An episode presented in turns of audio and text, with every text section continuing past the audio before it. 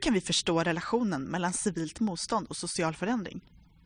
Kan partipolitik och icke-våldsmetoder kombineras för att stärka demokratin? Det här var frågor som Stellan Windhagen, professor i sociologi och ordförande för fakulteten Non-Violent Direct Action and Civil Resistance på University of Massachusetts, svarade på på ett seminarium den 24 januari. Om du vill se filmen från seminariet så hittar du den på vår Youtube-kanal, FUF Play. I'm very happy to have the opportunity to talk to you today about this uh, topic that I think is uh, not so uh, very well known. So what I will do is an overview that is kind of unorthodox of what we know when it comes to how resistance connects to democratization. My research has, over the years, mostly focused on understanding what is nonviolence and what is resistance, the theories and the strategies connected to them. But my interest now, in the coming years, is more to look at this um, correlation between resistance and democratization. So uh, I hope that we can have a fruitful discussion about that. I will move uh, towards the end to the question of what is the role of um, institutional actors like political parties uh, in connecting to um, what the uh, extra institutional uh, movements uh, do with the resistance. You don't have to write down everything I'm talking here now. If you're interested in, in a copy of um, uh, my talk on the slides, you can just email me. All right? So better, better focus on um, what I'm saying. All right. So, uh, in very much of the traditional research that exists on um, the connection between civil society and democratization, there has been quite a little of um, optimism. Very much of the research on democratization has focused on large macro scale processes like modernization, political economic development, um, state formation historically. And when it comes to the role of civil society, it has been quite mixed um, understanding of what the role of it mostly in the way maybe in creating elite pacting, collaborations with different political economic elites in pr processes of democratization. But very much of the influential literature in the field of democratization or transi transition from autocracy to democracy has then actually dismissed civil society. So in Huntington's famous book from 1991, he's saying that democratization is having much more of a greater possibility to actually happen if civil society keeps away from the process. Because that gives the democratic oriented elites a much greater room for maneuver. So basically, you could say then that resistance from below, from civil societies, has been argued to be futile against autocracy or dictatorships so far. Okay? There. But in recent research, there has been the suggestion that there is a connection. And one of the connections that are more uh, influential today is something called electoral revolutions. The idea here is that there is a diffusion process that happens over borders where people learn more creative techniques of how to run elections. Because as you know, many dictatorships, they are having elections despite being dictatorships. They are fake, these elections, of course. They're manipulated. They are repressed in many ways but they are kept anyway to keep some kind of legitimacy for the regime. So electoral revolutions is a matter about civil society learning creative techniques of making their own alternative polling at the election stations, for example, and a, a number of other creative uh, techniques that has been used in what's called the color revolutions. So that is one breakthrough within the literature of understanding that civil society matters here. Another one is those arguing that there are such a thing like democratic revolutions where civil society actually is the driving force creating democratization. overthrowing milita- military dictatorships or one party rule. but it's still very unclear how. How is that done? What mechanisms and processes matter? What kind of evidence exists here, and is it conclusive? And that's what I'm going to elaborate more on.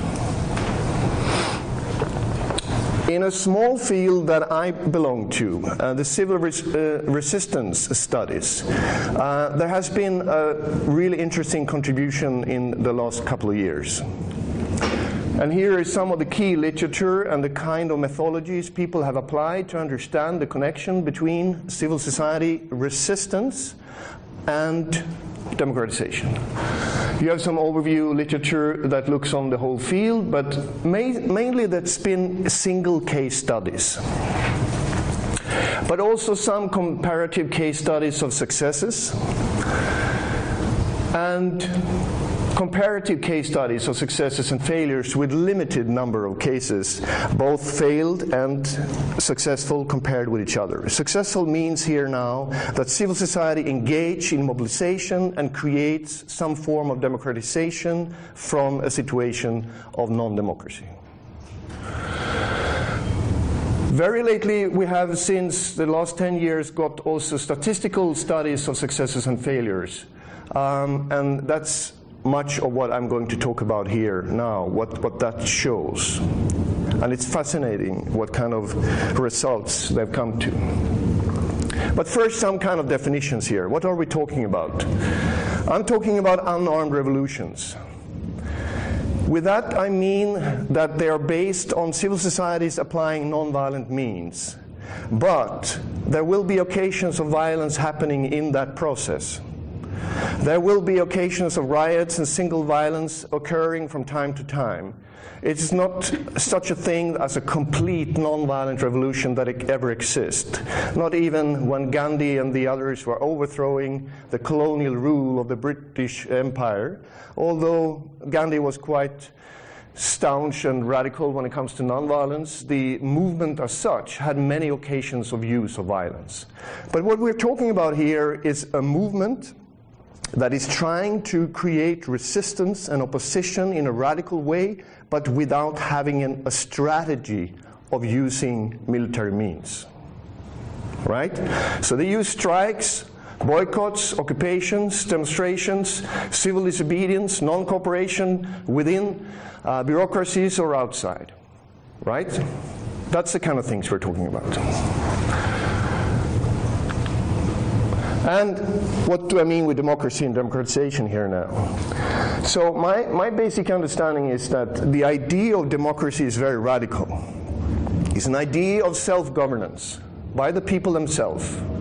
But what we see in, in reality is always a kind of a compromise where we have a complex uh, connection between a number of institutions and we have more or less kind of really self governance. And this is also argued, I would say, by one of the most famous uh, researchers, uh, Robert Dahl, when he talks about the continuum between dictatorships and democracy, where there isn't really such a situation where we have a full scale democracy, but what we do have is something in between the utopian total dictatorship on the one hand, and the utopian, to, or not, I was on the way saying totalitarian, but the absolute ideal democracy on the other hand, right?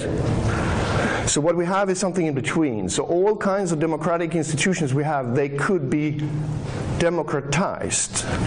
All of them could become more democratic. So I think that is, for me, then at least the, the key concept here the process of becoming more democratic.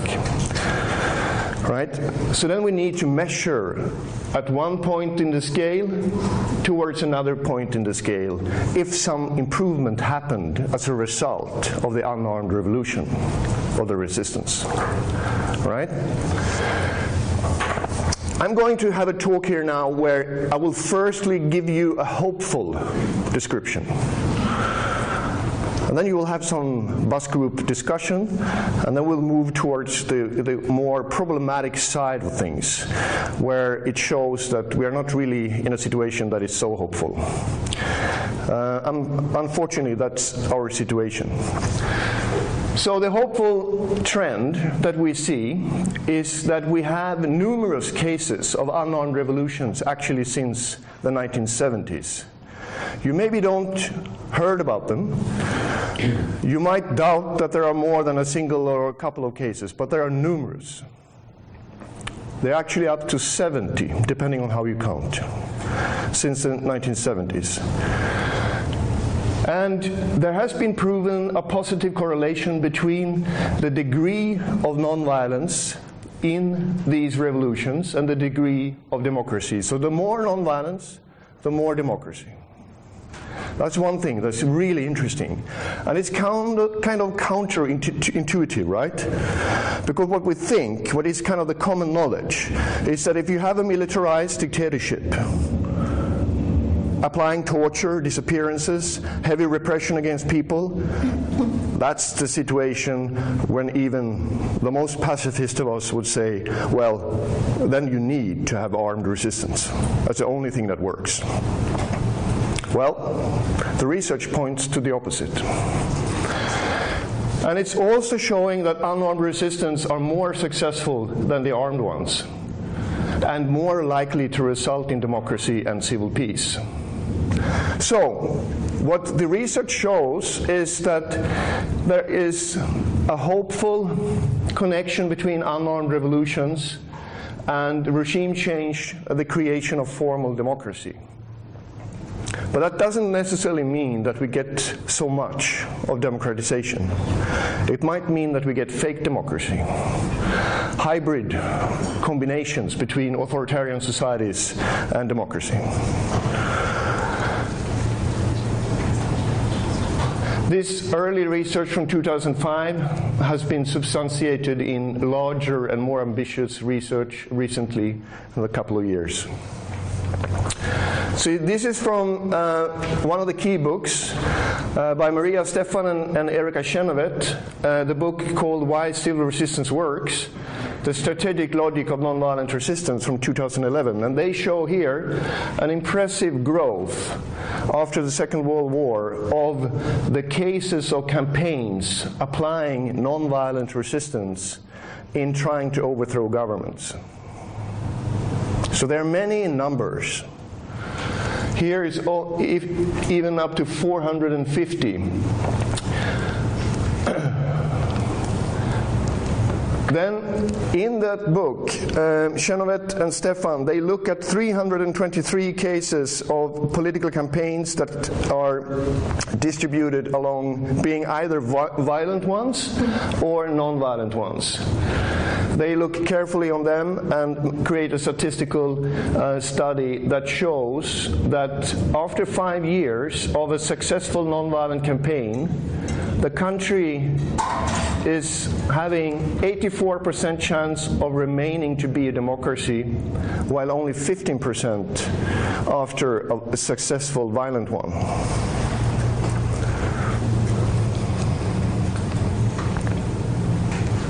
And the same goes for, but not as strong, when it comes to the risk of relapsing into civil war after an unarmed revolution or an armed revolution. It's double as high risk that the armed revolution leads to a civil war situation afterwards. So this is really optimistic messages. And it's also optimistic in the sense that we have seen, according to this first large study by them, uh, a growing gap in the effectiveness of nonviolent means and violent means. So it's not only that the nonviolent means are more effective in achieving actually democracy and civil peace, but it is increasingly so at least if you look in the period after the 1980s. I will give the latest numbers later on, which is not as optimistic. Another thing that is really tremendously interesting here is that one of the key conclusions that they arrive at that shows uh, why is then these nonviolent means so effective is the importance of um, participation. So the higher number of people participating um, in, in the campaign, the higher likelihood of being successful. And they arrive at the 3.5% rule, which means that if 3.5% of the population take part, then the nonviolent campaign will be successful, at least according to what's happened so far. It might not stay that like that, but in these cases, the 323 cases, it's like that. And you see already here that Maybe you don't see that in the end of the room here, but already when you're approaching 1 or 1.5%, you have a very high likelihood of succeeding.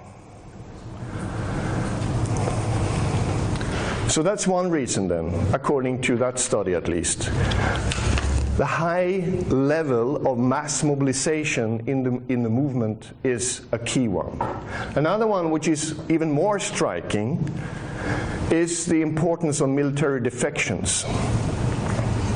So, what their study showed was that if a nonviolent campaign is able to facilitate military or those from the security forces of the state to defect, then they have a 46 higher chance of succeeding to actually overthrow the regime and achieve democracy and civil peace. But as we know, that is not always the case. One of the things, or the reasons why Syria today is, is a chaos, is that many of those that defected from the Syrian uh, military, they joined instead forces with the opposition, and we got a civil war instead.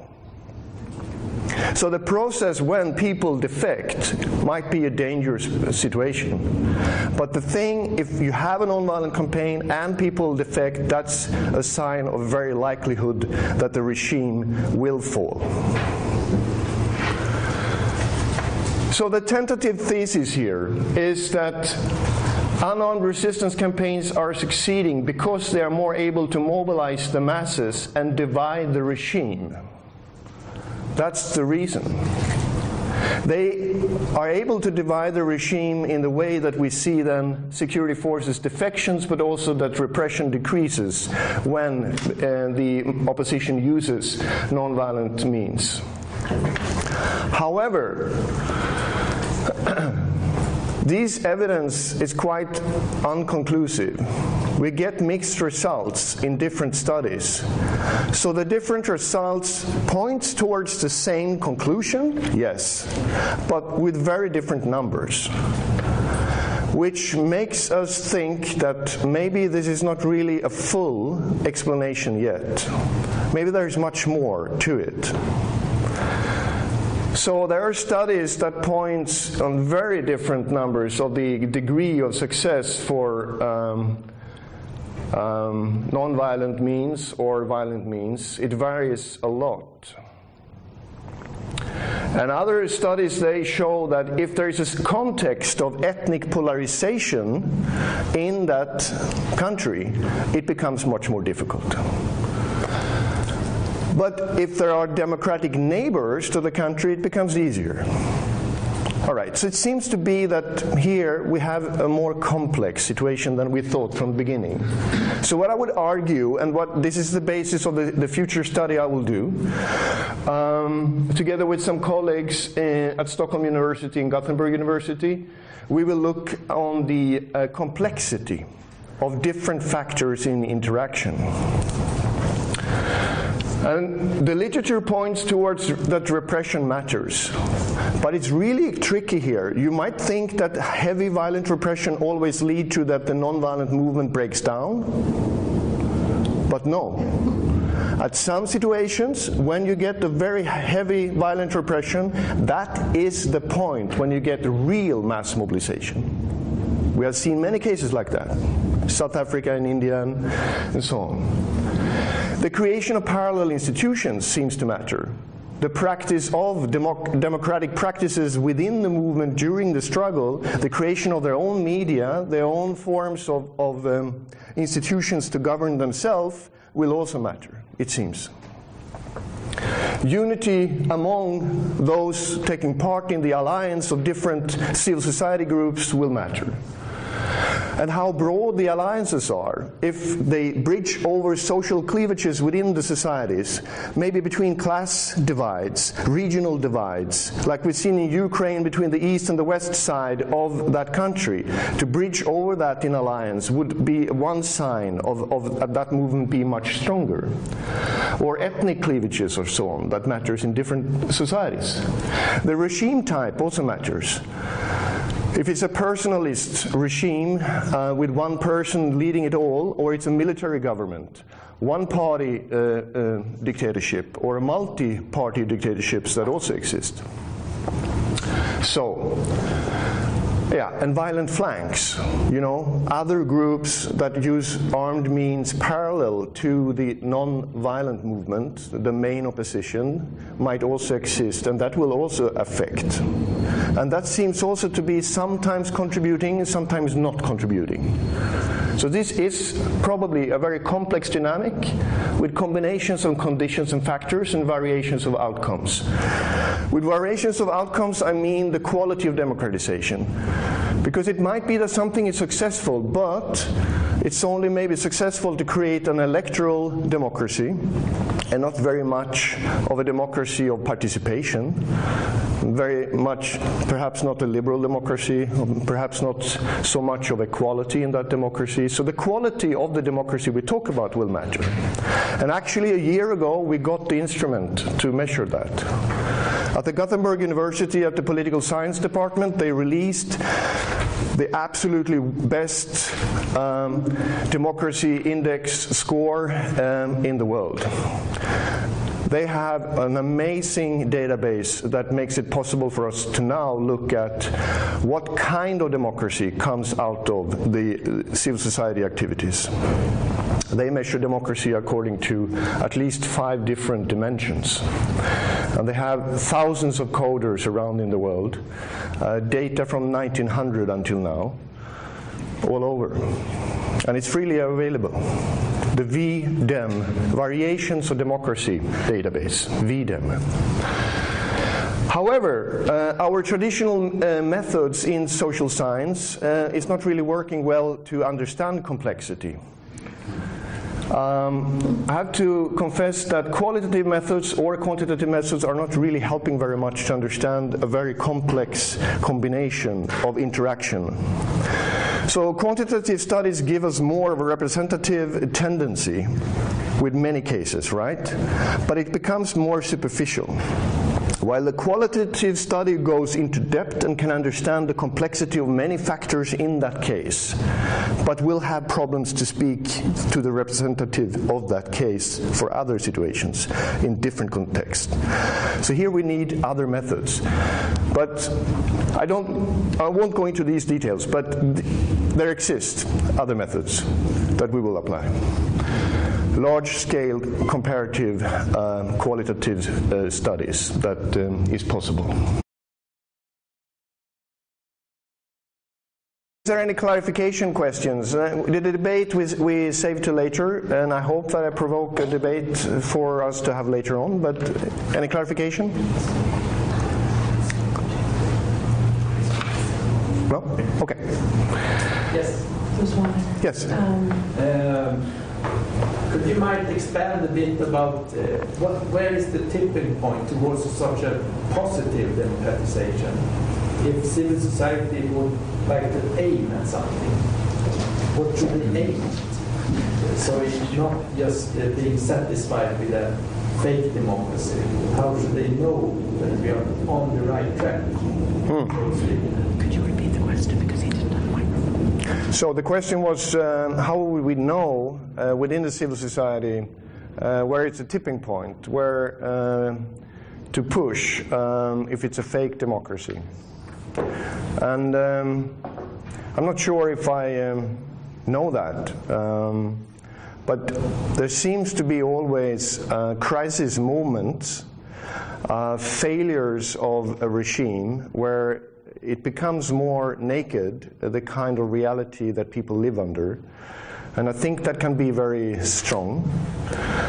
But I think it's very difficult to know when, because uh, many of these struggles started uh, with very single issues that were about the livelihood around the rising petrol prices uh, for people that are commuting to work, or the bread prices, and then it evolves into something much more.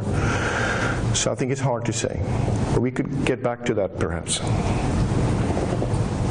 Okay, yeah, uh, this is a picture about uh, what you could call everyday resistance. That's been one of my focuses the last kind, kind of years. Uh, it's very fascinating, but it's a different story. It's about when people engage in resistance in the everyday, in the family, in the workplace, but without being organized in a movement, without having articulated political goals, but still they resist against what they find to be exploitation or repression. Anyway. Okay, so now comes the more problematic or um, uh, critical story. Um, so there are three problems here, at least. One, even though we see this larger historical trend of um, nonviolent means in campaigns being effective against dictatorships, uh, they don't succeed always at least not yet.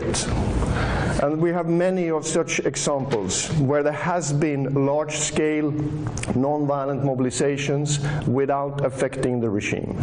Like in Palestine, Tibet, Western Sahara, the last colony in Africa, in China, Iran, and in the United States, for example.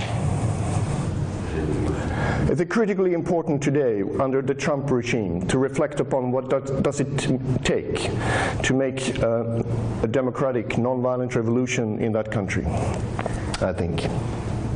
Problem number two.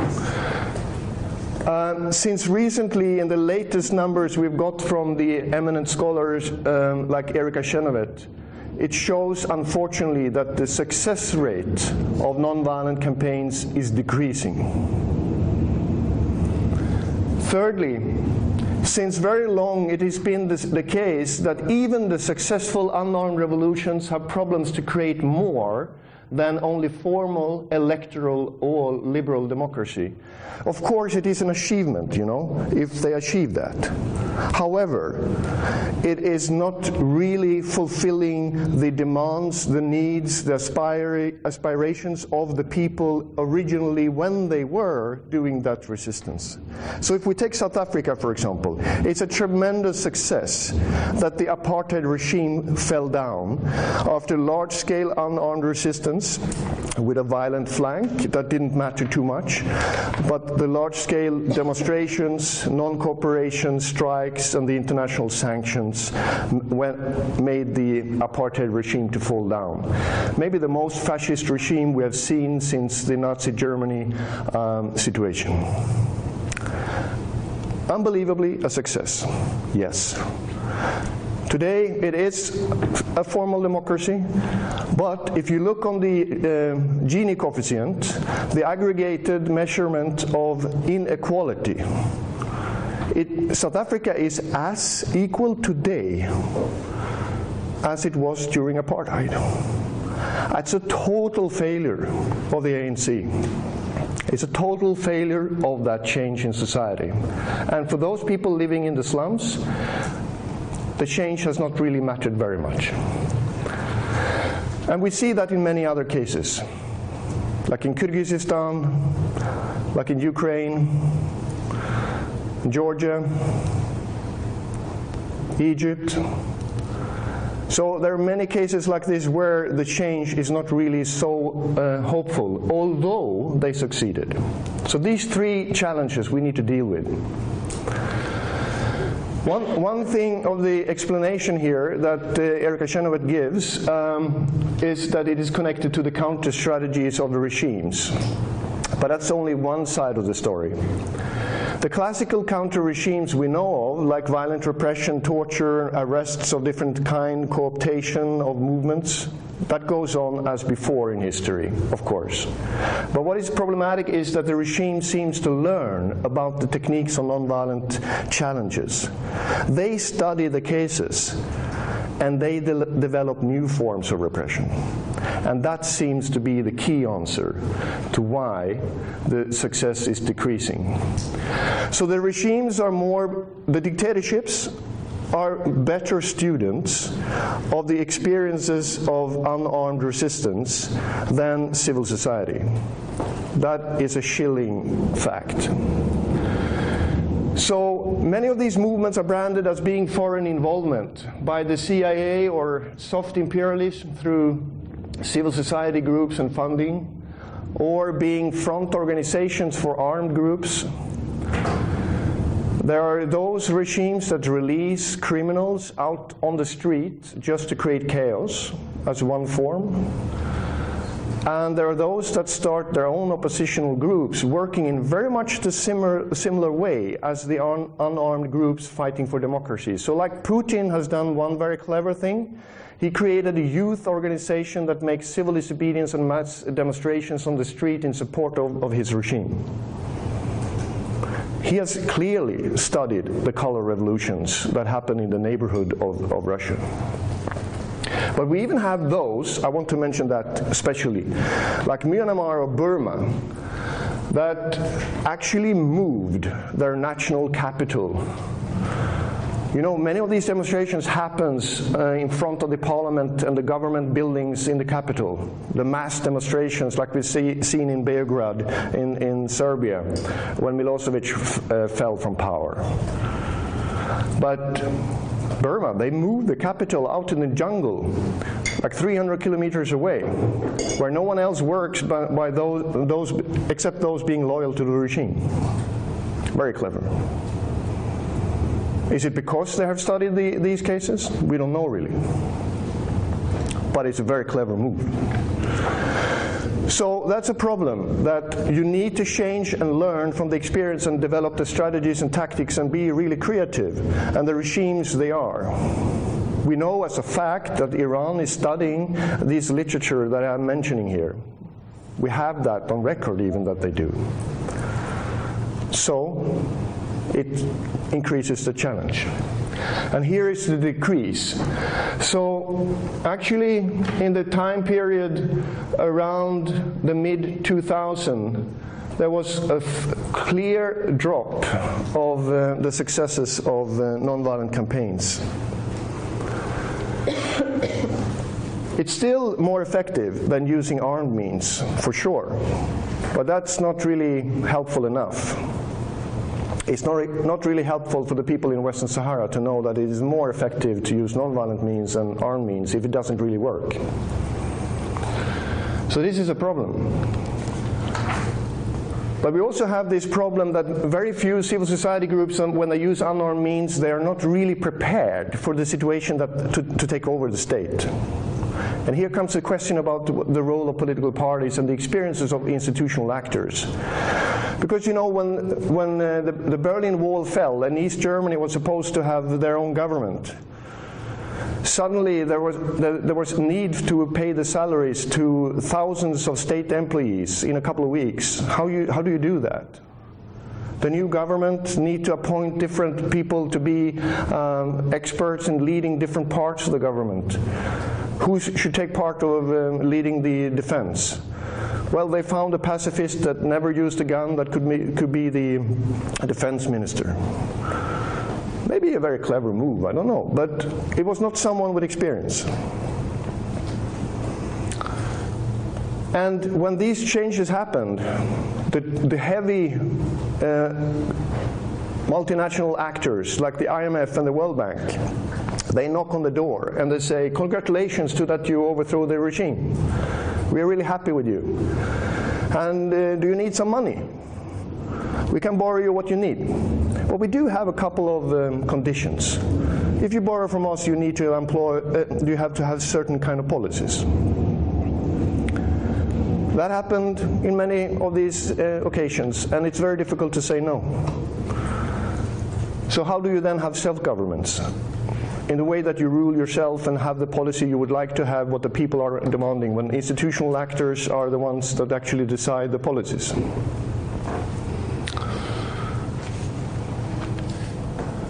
So, my question that I would like to end uh, here with is the connection between the parties and the movements. The movements are fundamentally something different, a very different creature to uh, the political parties. As movements being extra parliamentarian uh, or extra institutional kind of social force. And the political parties are the democratic core of parliamentarian systems and very often professional in, in, in dealing with that. But in the best of the worlds, the political parties are representatives of social attitudes and opinions among people, right? So there should be a connection. There could be a connection. And many movements, they become or create parties in the process of their struggle. That's actually very common not only historically, like the Social Democratic Party that evolved out of the workers' movement here in this country, or the ANC that de developed out of the anti-apartheid struggle, or the Indian National Congress Party that developed out of the anti-colonial struggle in India. But also today we see that happening. As we speak, uh, the FARC guerrilla in Colombia is developing into becoming a party now. We see that with Podemos in Spain, the Greens in Europe, Syriza in Greece, and the Indian new anti corruption party, Aam Aadmi Party.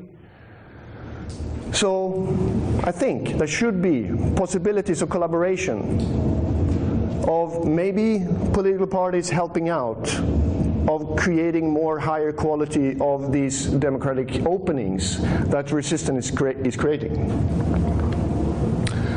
So for the discussion, that's one of my questions for suggestion, but of course you decide. Uh, another question to, to reflect upon, I think, is why is there so little research on this amazing, hopeful trend of ordinary people gathering on the streets facing adversaries that have tanks, torture, and military to repress them, and they overthrow and create some form of democracy. Why are we not fascinated with that and spend billions of dollars in understanding why and how and how could it be improved? To me, that's really a failure for us working for human rights and democracy. So, how could the effectiveness and quality impact of unknown revolutions be improved? Because they're going to happen, they're going to continue to happen. So, we need to decide if we want to be part of that and contribute to these movements or not. And for me, then, the conclusion of the talk is there is a clear connection between resistance and democratization. That is probably where we see democratization happening today. But it's not enough what happens there. It's not the full answer. Much more factors matters. And I think the institutional actors are a key one, a potential one in that. But then they need to recognize that those people that do civil disobedience on the street, they are the core of the future of democratization. And that needs to be then not only accepted, but we need to develop collaborations. Thank you.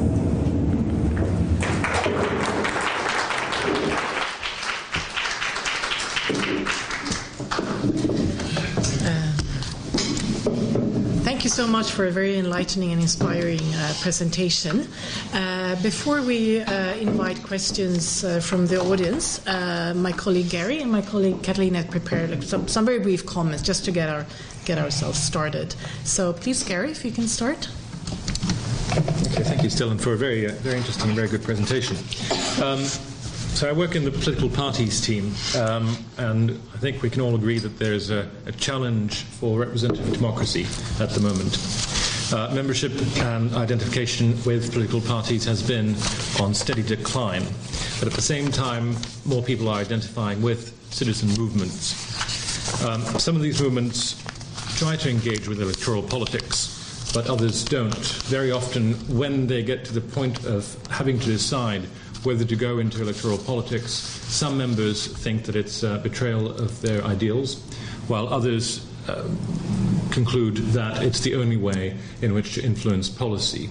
If we look at cases such as Northern Ireland, where um, all the parties eventually came together in the late 1990s. There were still some uh, on the Republican side who chose to not sit down with others and carry on with the campaign because they thought that, that would be the only way to achieve their goal.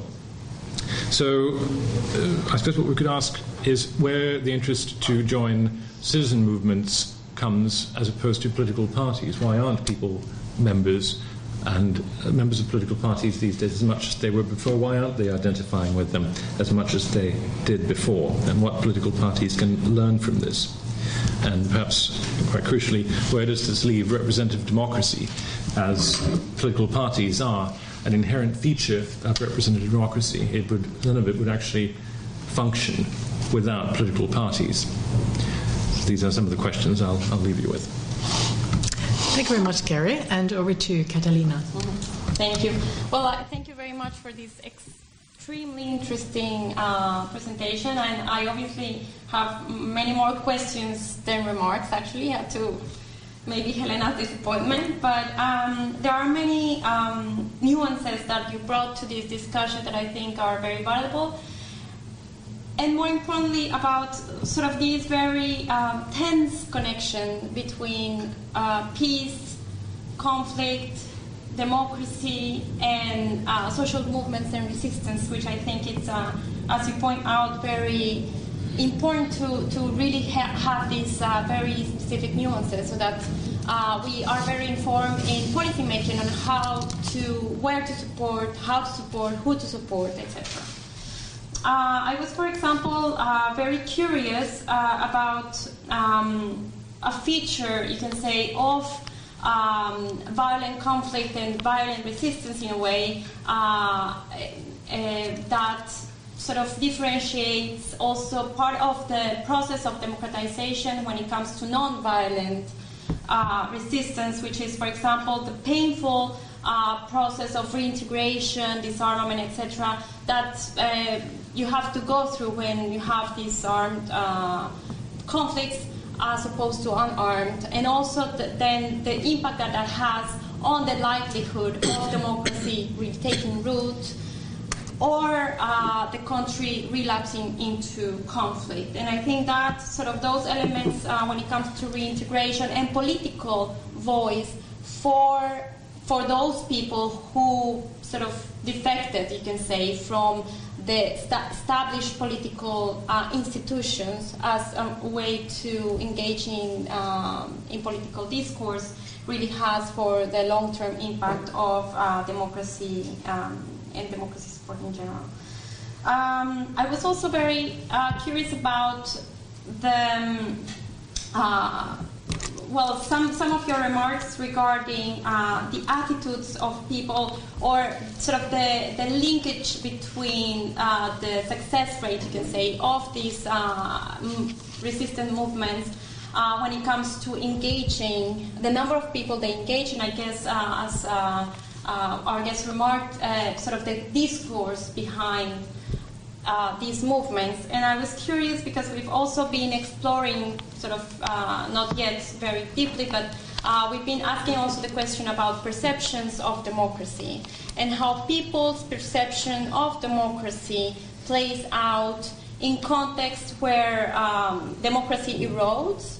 And actually, we found just initially um, perhaps also a surprising uh, result, which is that actual, actually, when it comes to a context of where democracy has been backsliding in a way, um, people's perception of democracy actually tends to increase, or their regard towards uh, democracy as a concept actually tends to increase.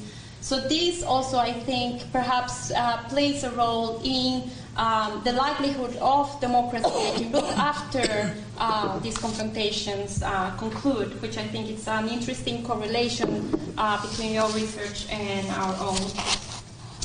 Um, and well, I think it's very relevant in uh, sort of today's uh, very polarized political environment when it comes to democracy. Uh, to reflect on what you've said about, for example, the uh, tools that some of the sort of uh, re- more repressive regimes have taken uh, as sort of the codebook from resistive movements to actually um, sort of take root when it comes to, or, or far, further erode uh, the democratic mechanisms um, that they are sort of against.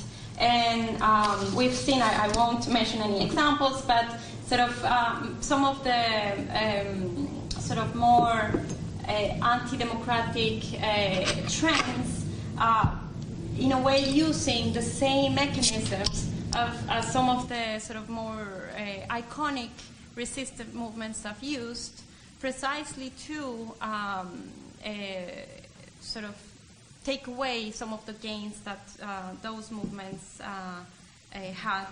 I was also, just to finalize, uh, very curious about sort of these trends that you have uh, highlighted in regards to the success rate of the, uh, the resistant movements, non-violent resistant movements, and the re- more recent decline. That perhaps unsurprisingly, but I mean, it would be interesting to hear your remarks also coincide with other trends uh, that, for example, the increase in violent conflict uh, against a longer trend towards uh, more uh, sort of general peace in the world, uh, and also a, I wouldn't call it a trend, but uh, a recent decline in some measurements of democracy. Uh, versus a much longer trend towards uh, democratic consolidation. So I think those nuances also, I mean, one could ex- speculate at least that uh, the um, uh, sort of in uh, be, sort of uh, much uh, before you had like a lower benchmark when it came to the gains that these resistance movements had, uh, as opposed to today when many more countries are democratic, and you can say the harder cookies are still around, and of course, the success rate perhaps of those resistant movements are, is going to be much lower because uh, you have uh, much um, tougher regimes to to fight against, if you call it like that. So uh, I was just um, very interested about those remarks or those nuances when it comes to the more recent political environment that we face today when it comes to democracy building and uh, peace building in general. So thank you very much. Um, since uh, the panel was a bit disobedient in asking questions rather than commenting, I think I'll invite Stellan maybe to comment on those questions first, and then I'll definitely invite the rest of the audience. Thank you. Yeah, I, I, I would only say that. Um, I think a number of these factors you bring up, uh, both these coinciding with the decrease and also the other factors that matters like the reintegration process, uh, the perception of, of uh, those fighting for democracy, what, what is really their perception of democracy, that I think probably we, we need to factor them in into studies that um, uh, take this more uh, co- complex interaction into account. Uh, I think uh, a problem today is that we operate still with uh, a large field of research that is focusing on other things than what the civil society is doing, and then the small field is looking at what the civil society is doing, but they're not having the research methods to really take into account a complex interaction of these things. So probably we will misjudge a lot uh, because we think it matters because of this or that, but there were other things that interfered that, that was so important. Um, and yes, uh, I would also say that uh, not only regimes, but as you say, also movements uh, pick up the code book clearly. Uh, many of these techniques, there are just te- techniques, and they could be applied by, by any kind of actors. And I think that is part of the reason why we need to understand more the combination that really matters and also become good students of uh, these uh, methods because we need to be creative about them. It's not just to copy what, what was done in other cases. Okay. Thank you very much. And uh, now of comments and questions from, from the audience. We have a microphone uh, that uh, our colleague Ida uh, will walk around with. So if you can just raise your hand maybe starting since you're there, maybe if there are questions like on this side, just to be practical, if you could just raise your hand. Um, to someone in this end. Yes, we have one question there, one down there, and, and one here. Um, so if you start with the gentleman with the glasses, if you could just please introduce yourself, like your name and your affiliation, very briefly, and then a very brief question, and then late, after you, the uh, the lady in turquoise. Could you start with the woman? Because I talked Start with someone else. You guys answer questions. This one, you sure? It's really interesting talk. My first question is about a lot of your uh, discussion focuses on historical trends, and I think one of your key arguments that you're fleshing out is this idea of uh, success and failure. So you before talked about what's the tipping point. My question is, what is success? What are the indications for it? Can you give me five? Is it a member in parliament? Is it your opposition party occupying the institutions? Or can you give me three?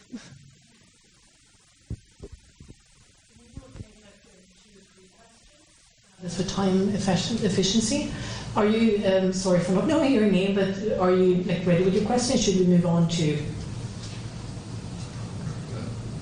That's my question.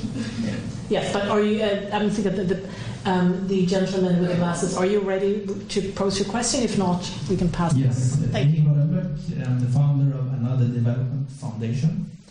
And I have a question about civil society and the political parties. How can you create a dialogue? Matters. It could be a resistance from civil society, mass, mass mobilize, mobilized uh, movements to even go into, as you mentioned.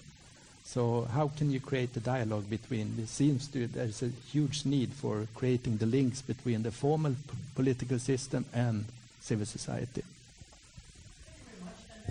If you can kindly move to our colleague way at the end, and then to uh, colleague Kedwitze Mashangan up here.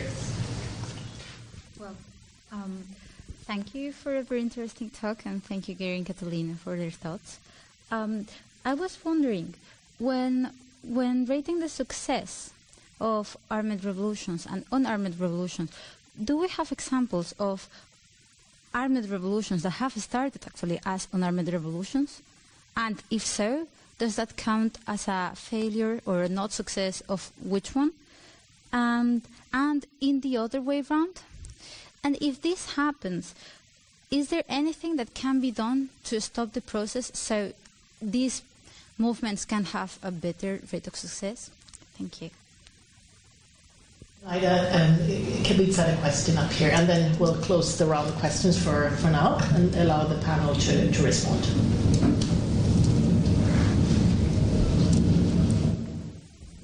Thank you very much for for an interesting um, um, uh, presentation and study. And for us, it is quite relevant uh, given what is also happening around the world. And at International IDEA, we are at a time when we are reflecting on a new strategy. So this is uh, would be quite useful to to think about.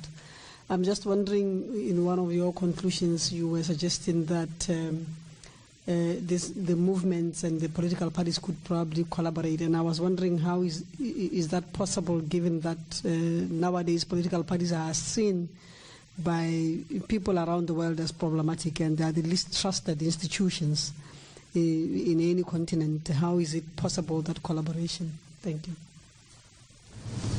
Thank you very much. I invite Stellan to go first, and then to the extent that Gary or Catalina feel that they would like to add something to the response, please do, and I'll hand over the mic to you.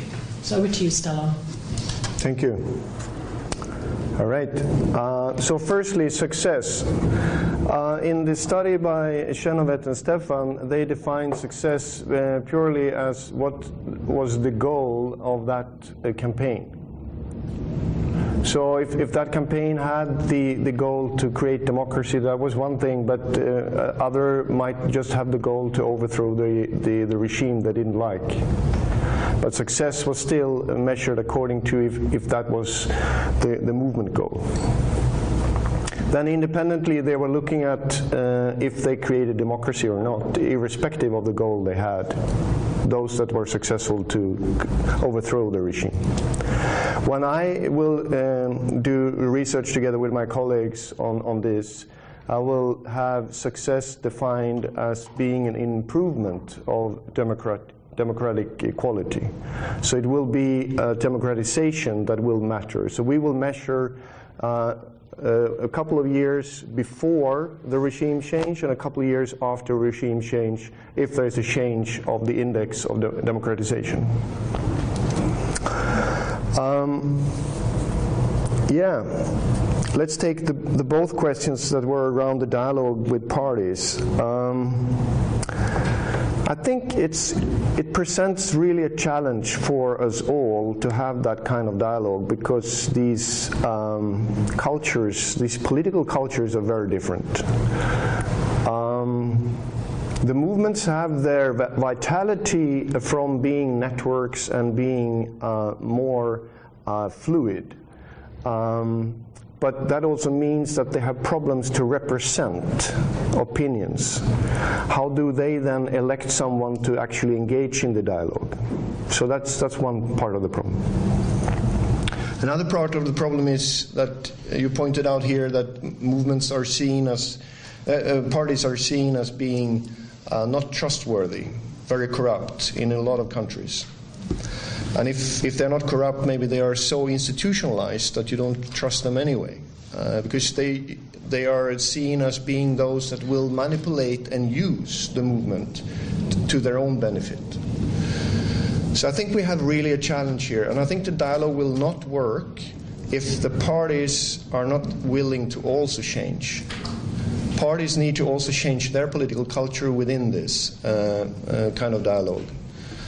And probably there are some parties that understand that the crisis they, they suffer from lack of trust of people has something to do with how they actually develop their political culture.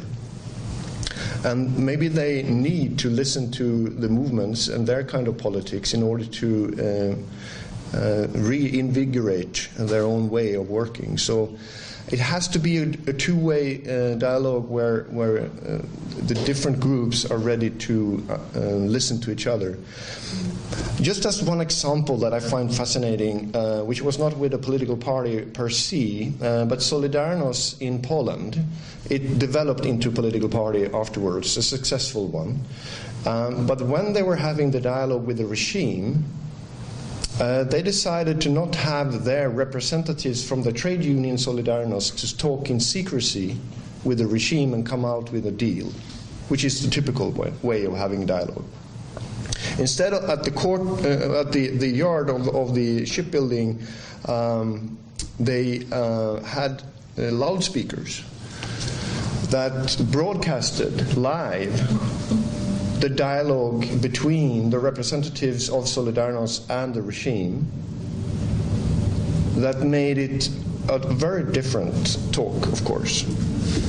So I think we should kind of think about ways of doing this in an untraditional way. There are, from the roundtables during the whole Eastern European uh, uh, transformation in 18, 89 and 90s, we have seen roundtables between civil society and political parties and, and old regime representatives, we could learn from their experiences. I think we shouldn't take it lightly with this dialogue uh, that needs to happen. So, lastly, about the, the, the, transformation of movements and their resistance from being armed or unarmed uh, uh, back and forth uh, the classical example of an unarmed movement that becomes armed is Northern Ireland, with the development of IRA.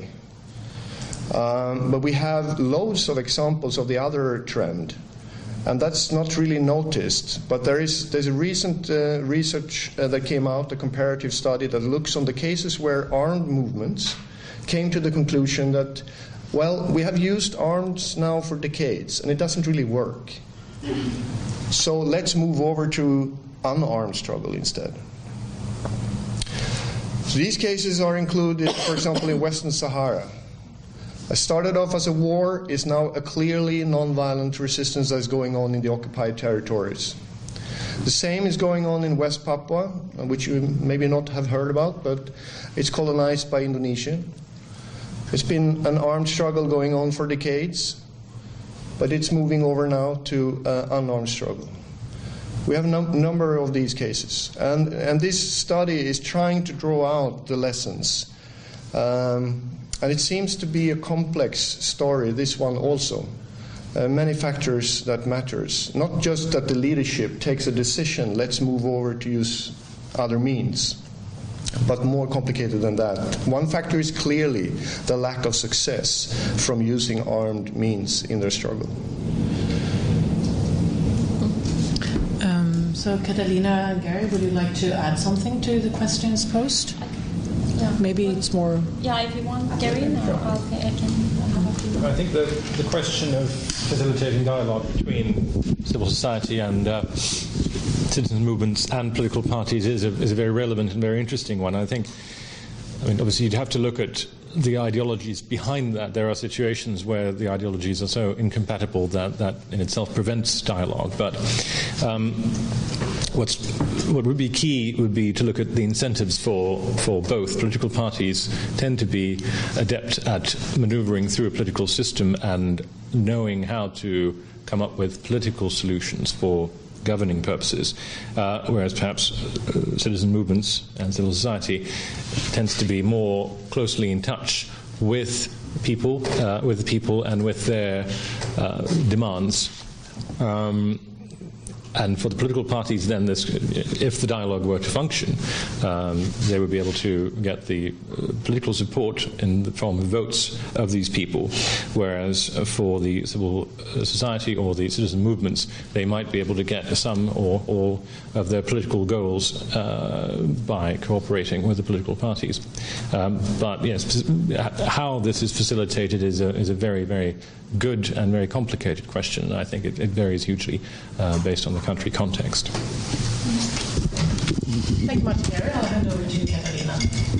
Just to maybe engage in a little, a little bit of uh, self, shameless uh, self-promotion, but today we precisely were uh, came out with, or yesterday actually, uh, with um, we have an article on IDEA's website about this, or partly about this topic, and precisely this um, issue of communication between political parties and social movements is it's it's part of the core of uh, this piece.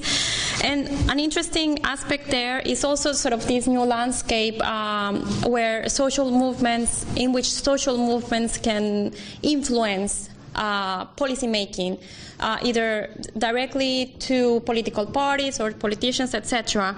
And examples like, um, for example, the Black Lives uh, Matter uh, has been very interesting to observe in, this new hashtag activism uh, as just an, an, as an example of the myriad ways in which um, activists can engage in political uh, discourse without necessarily going out to the streets, although that's also quite relevant still today. But there are so many more sort of avenues to communicate uh, and to really influence uh, policy making that that's also sort of part of the nuancing uh, that one has to take into account when looking at this uh, changing uh, environment in which uh, political parties engage with social movements and just also to add uh, to the complexities, also to see sort of the role of civil society because it's in the in a way it's I mean, it's not the same, right? You you get to a certain level of organization, so to see this transformation between you mentioned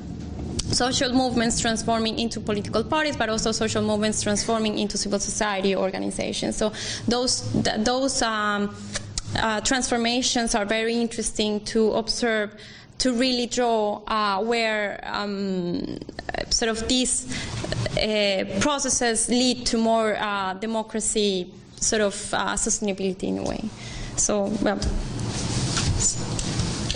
Um, thank you very much, Carolina. Tack för att du har lyssnat på FUF-podden.